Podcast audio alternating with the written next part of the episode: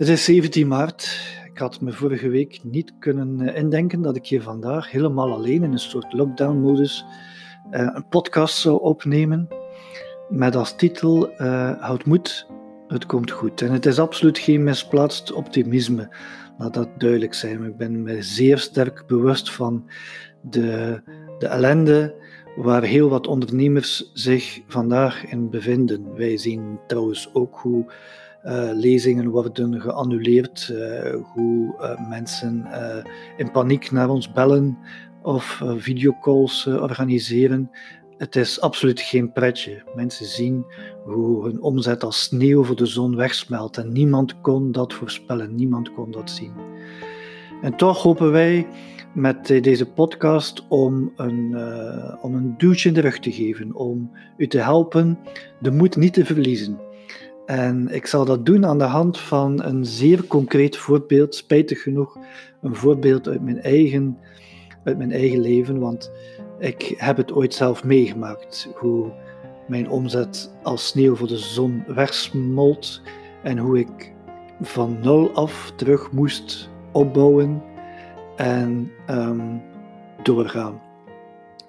Um, ik denk dat we vandaag zeer duidelijk het verschil zullen zien tussen de ondernemers en de mensen die, die ondergaan. En dat is eigenlijk een verhaal dat ik uh, zelden vertel, maar ik doe het wel bijna jaarlijks als ik ga spreken voor uh, leerlingen van een middelbare school. Die op het punt staan keuzes te maken van waar ze met hun toekomst naartoe willen, met hun leven naartoe willen. En dan choqueer ik ze een beetje. Dan, uh, dan zeg ik uh, aan die groep leerlingen van kijk, jullie zitten hier nu met 70, 80 mensen hier samen.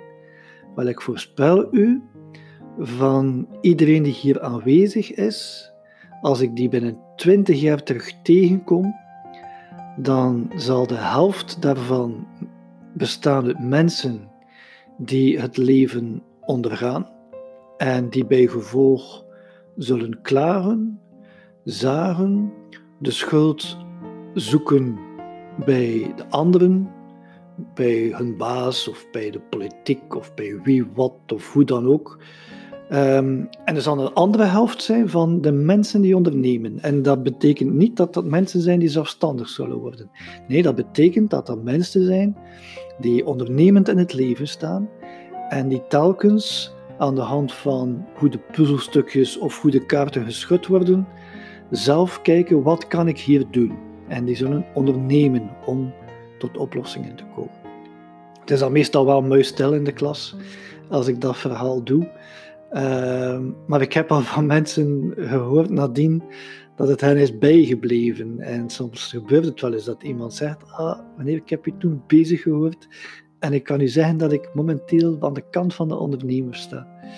Dat doet mij deugd. En ik denk vandaar dat die boodschap ook heel belangrijk is. Hoe kijk je naar die coronavirus, naar de gevolgen van dan, daarvan en hoe ga je dat aanpakken? Um, wel, ik ga u een verhaal vertellen en daarvoor moet ik terug naar het jaar 2001. Eigenlijk nog vroeger zelf. Eigenlijk moet ik terug naar, mijn, het begin van mijn carrière. In 1991, oktober 1991, kwam ik als jonge snotneus terecht eh, bij de houtgroep Kras. Dat was mijn eerste werkervaring.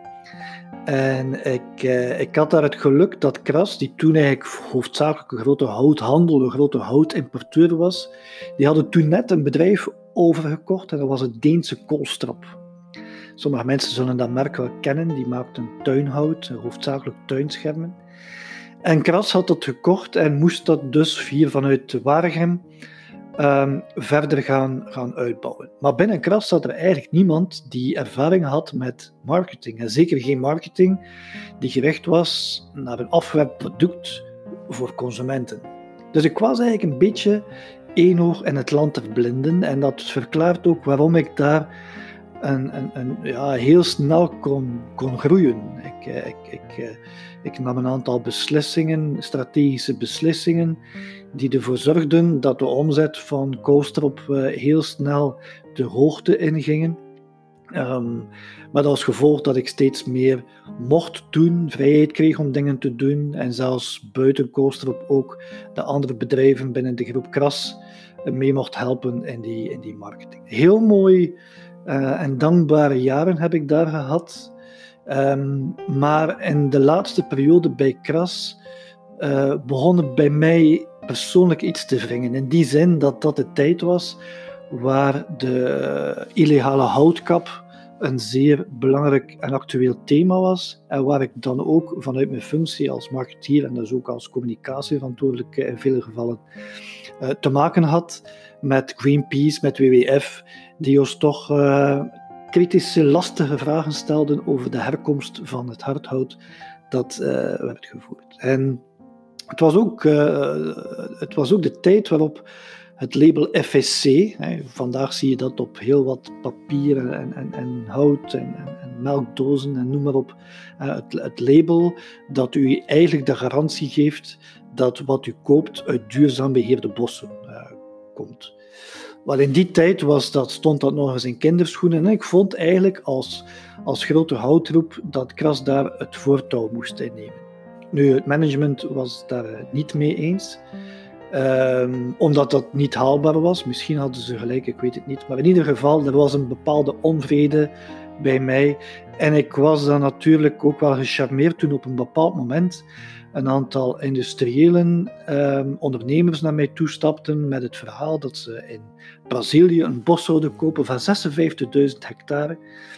En daar volgens die criteria van FSC uh, producten zouden ontwikkelen die beantwoorden aan die strenge ecologische, economische en sociale criteria. En ze vroegen, ja, stap je niet mee in dat verhaal? Nu, ik had maar uh, weinig spaarcenten, dus ik moest die aanvullen met uh, wat uh, geld van bij de bank. Maar na heel wat wekken en wegen en gesteund door mijn echtgenote, besliste ik om het risico te nemen en het avontuur aan te gaan. En zo gebeurde het. Ehm, het werd een avontuur. Uh, een avontuur dat uh, zeer leerrijk was, maar om een lang verhaal kort te maken, dat valikant afliep.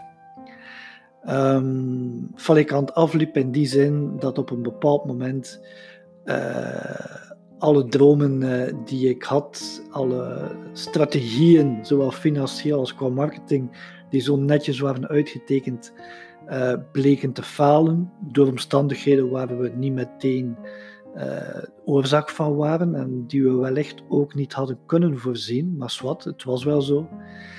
Het gevolg was dat ik in 2003 in een situatie verzeild geraakte waarbij ik ja, zeg maar alles kwijt was. Ik was uh, al mijn centen kwijt en wat veel erger was, ik was ook mijn zelfvertrouwen kwijt. En als er één iets is wat je niet mag verliezen, en daarom ook de titel van deze podcast, Houd Moed, is jouw energie, jouw zelfvertrouwen, jouw geloof dat het goed komt. Als je dat verliest, dan kom je in een zeer snelle, vicieuze cirkel terecht, die ik absoluut niemand toewens. Maar het gevolg was dus dat ik naast een grote financiële kater dat ik in een situatie zat zonder inkomsten en dat ik als een breekbaar en bang kind in mijn bed lag en bang was voor de wereld. Klinkt heel hard, maar mensen die het ooit hebben meegemaakt, die weten exact wat ik bedoel. Waarbij je verkrampt wanneer je de bel hoort, wanneer er een brief in de brievenbus valt, wanneer de telefoon rinkelt, omdat je telkens opnieuw denkt: wat is dit nu weer? Hoe ga ik dat oplossen? En ik heb daar, en daarom ook vond ik het belangrijk om, om dit verhaal met u te delen, ik heb daar geleerd op dat moment wat het verschil is tussen medelijden en medeleven. En ik had gelukkig heel wat vrienden die, die vol empathie medelijden hadden met mij. En ik, dat, is, dat is natuurlijk zeer goed. Ja? Dat, is, dat is goed dat mensen medelijden hebben. Ik heb toen ook gevoeld dat je met medelijden geen stap vooruit geraakt. Je raakt niet vooruit met medelijden. Je raakt enkel vooruit met mensen die meeleven. En ik ga je een paar voorbeelden geven. Om te beginnen natuurlijk met mijn echtgenote. Als er op dat moment gehuwd geweest was met een vrouw die zei, ah, dikke loser. Hè? En, alles valt, uh, valt er in duigen. En wat heb je nu weer gedaan en wat dan ook. Uh, ja, dan, was het voor mij ook over en oud geweest. Nee, ik had een echtgenote die zei, oh, kom aan, we slaan er ons door, we moeten ons huis verkopen, dan verkopen we ons huis. En onze vier kinderen, die zullen wel eten hebben, we zullen, we zullen wel overleven. Tweede persoon was op een bepaald moment, ik herinner me zeer goed, ik lag als, als, dat breekbaar kind in mijn bed en de bel gaat, en dat, dat verkramp je al. En ik hoor plotseling de luide stem van, van Philippe. Philippe, die trouwens nog steeds onze financieel adviseur is bij Kras, bij, bij, bij Mix, excuseer. Philippe die daar beneden staat en ik hoor hem aan mijn echtgenote uitleggen van kijk, wat er nu moet gebeuren is dat Kurt weer de kracht en de energie vindt om er tegenaan te gaan. En ondertussen moet hij zich geen zorgen maken over alles wat administratie en financiën is. We lossen dat op. We gaan dat oplossen. We gaan kijken hoe dat we dat doen, maar daar mag hij niet van wakker liggen. Ik kan u verzekeren, als je dat hoort op dat moment, dan valt er niet een kilo, maar 100 kilo druk van je schouders. Dan, dan, dan hoor je van, er is iemand die daar voor mij stand had op keuze, waar ik niet zie hoe ik moet aan beginnen. Dat is medeleven. Dat zijn mensen die ik eeuwig dankbaar ben. Op hetzelfde moment, toch in die periode, was er een koppel, ik mag niet zeggen dat het, dat, dat het grote dikke vrienden waren die bij ons in het krijt stonden of zo. Nee, een koppel, ook een ondernemer en zijn echtgenote, die zeiden, Kurt, hij moet eruit, hij moet er eens uit. Kijk, ga mee met ons. En hij betaalde ons, of zij betaalden ons een reisje samen met hen in een poepchic hotel in Oostenrijk. Op hun kosten. En ik kan u verzekeren, ik was geen aangenaam gezelschap, want ik wist niet waar ik naartoe moest met de toekomst. Maar die mensen leefden mee, die maakten dat ik tijd en ruimte kreeg om na te denken, om mij te verdiepen in andere zaken. En, en ik had ondertussen nog een, een brief gekregen van dat ik sociale bijdrage moest betalen. dat, ik kreeg als startende ondernemer kreeg je uitstel, maar op een bepaald moment valt die envelop wel in de bus. En dat was 9800 euro. Terwijl ik schulden had aan de bank, geen inkomsten, kreeg daar nog een brief van 9800 euro die ik moest betalen. En ik stapte naar een van mijn broers en die, die, die, die gaf mij dat geld en die zei gewoon, kijk, Betaal het terug als het u past. Maak u daar geen zorgen in. Het is zo belangrijk dat in tijden van corona, in tijden van crisis, dat mogen we toch wel noemen, dat we niet enkel medelijden hebben met elkaar, maar dat we elkaar waar mogelijk ook helpen. Helpen door een duwtje in de rug te geven, helpen door te motiveren, helpen door energie te geven aan elkaar. Het is zo belangrijk, vandaar ook deze podcast. Want wat is eigenlijk, wat is eigenlijk de uitkomst geweest van die miserie? Dat is het gekke van het verhaal. De uitkomst is geweest dat ik, ik moest op zoek naar werk. Ik, er moest brood op de plank komen. Ik had een vrouw, vier kinderen, een huis dat moest afbetaald worden. Er moest brood op de plank komen. Ik kon niet stilzitten, maar daartegenover stond dat als ik ging solliciteren, dat ik meteen ook voelde dat ik niet klaar was, fysiek en mentaal, niet klaar was om van 9 to 5 ergens in een bedrijf tussen mensen te zitten, tussen mails en telefoons, mijn ding te moeten doen. Dus ik moest een tussenoplossing zoeken. En ik stelde dan uit noodzaak eigenlijk voor om ehm, tijdelijk bij een aantal ondernemers ehm, hen te helpen met hun marketingstrategie en hun marketingbeleid. Eigenlijk werd ik uit noodzaak de eerste marketingconsultant, ook al hou ik niet van dat woord, maar de eerste marketingconsultant in België. Uit noodzaak. En als je dan vandaag ziet waar ik nu sta,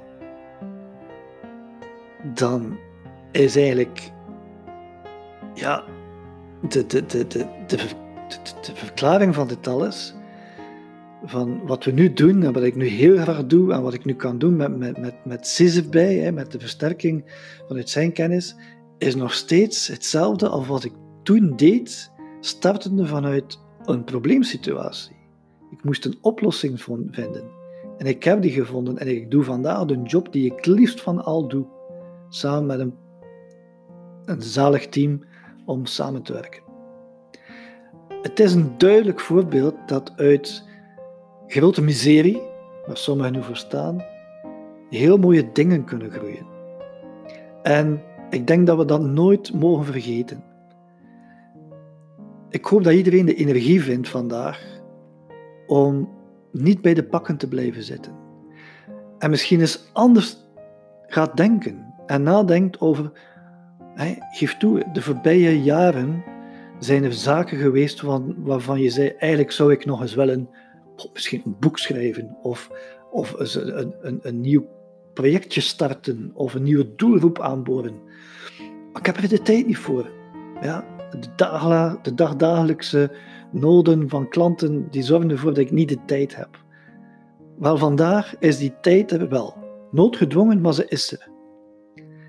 En de kunst is nu om de energie te vinden om je te buigen over die mogelijke uitdagingen nieuwe opties, nieuwe wegen, die er misschien zullen voor zorgen voor de ene dat hij plotseling iets kan doen wat hij vroeger nooit had durven dromen te kunnen doen. Anderen zullen van de gelegenheid gebruik maken om zaken op orde te zetten, zodat ze na deze crisis met voorsprong ten opzichte van de concurrentie naar buiten kunnen komen. En er zullen er nog anderen zijn die totaal nieuwe wegen inslaan. En die misschien eindelijk vinden hetgeen wat ze al altijd op zoek naar waren, wat echt hun passie was, waar ze vroeger nooit toe gekomen zijn. Vandaar die boodschap: houd moed, het komt goed. We komen eruit.